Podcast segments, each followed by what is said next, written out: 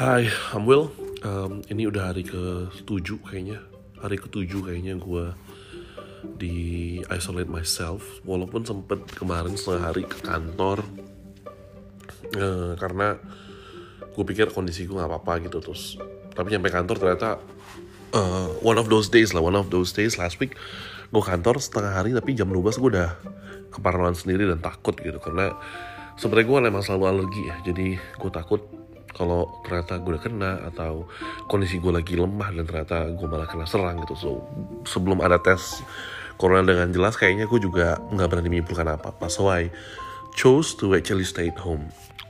Um, lumayan ya ternyata buat orang yang extrovert uh, di rumah aja itu nggak gampang. Apalagi bener yang lockdown diri dari dari dunia luar mengisolasikan diri cuma berteman dengan laptop kemudian uh, Netflix atau coba-coba baca buku atau main sosial media gitu loh.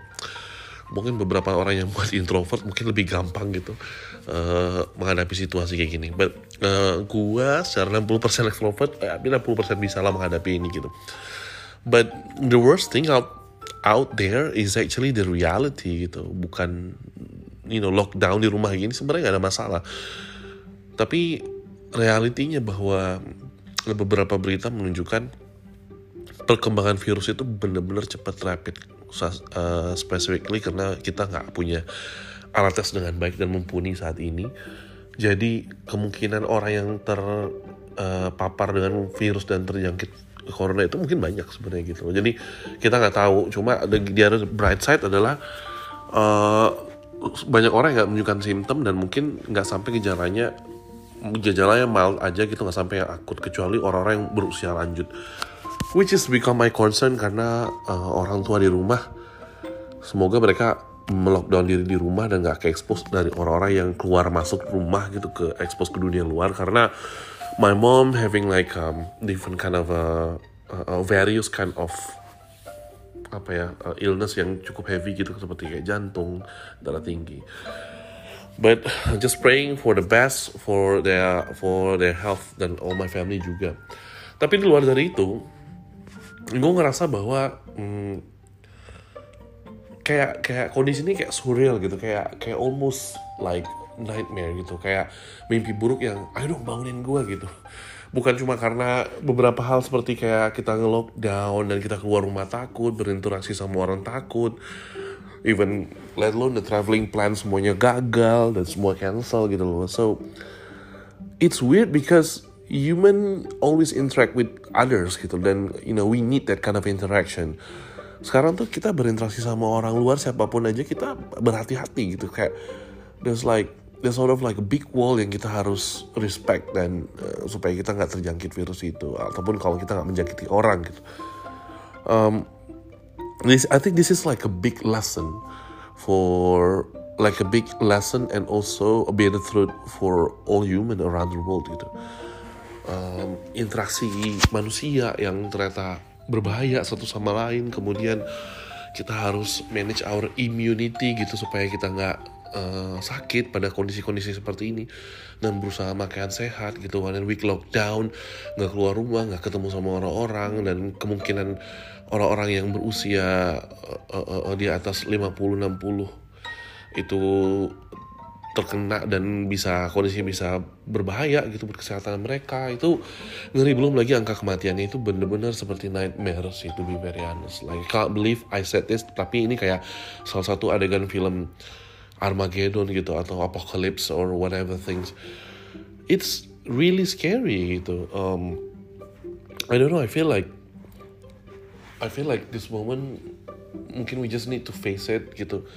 Realistically mungkin kita berusaha untuk deny bahwa ini sebenarnya nggak terjadi tapi ini terjadi gitu.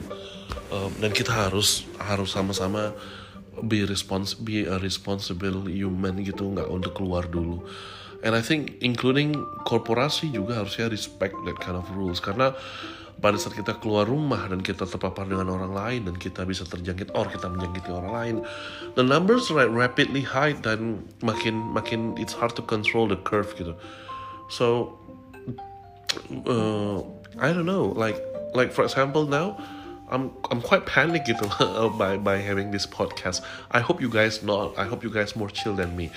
Try to watch a lot of uh, animation, cartoon segala macam Netflix. It just try to distract myself um, from the news, but reality is out there. Dan kita nggak tahu dalam dua minggu, seminggu, tiga minggu, sebulan ke depan, apalagi kita mau Ramadan, bulan puasa, Lebaran, semua orang pulang kampung dan we don't know what's gonna happen. All uh, mungkin aja mudik di cancel, kemudian perkawinan, perhelatan segala macam keluarga yang sounds like ceremonial, even sholat Jumat bahkan kebaktian pun di cancel gitu loh. Sesuatu yang kita sudah percaya bertahun-tahun dan uh, dijadikan tradisi, dijadikan kayak semacam apa ya? I would say kebiasaan gitu loh. Ternyata berbahaya sekarang gitu.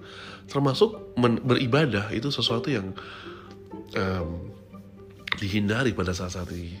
So ini membuat kita tuh jadi lagi mikir lagi gitu apa yang salah dengan hal yang udah kita lakukan selama ini. Gitu.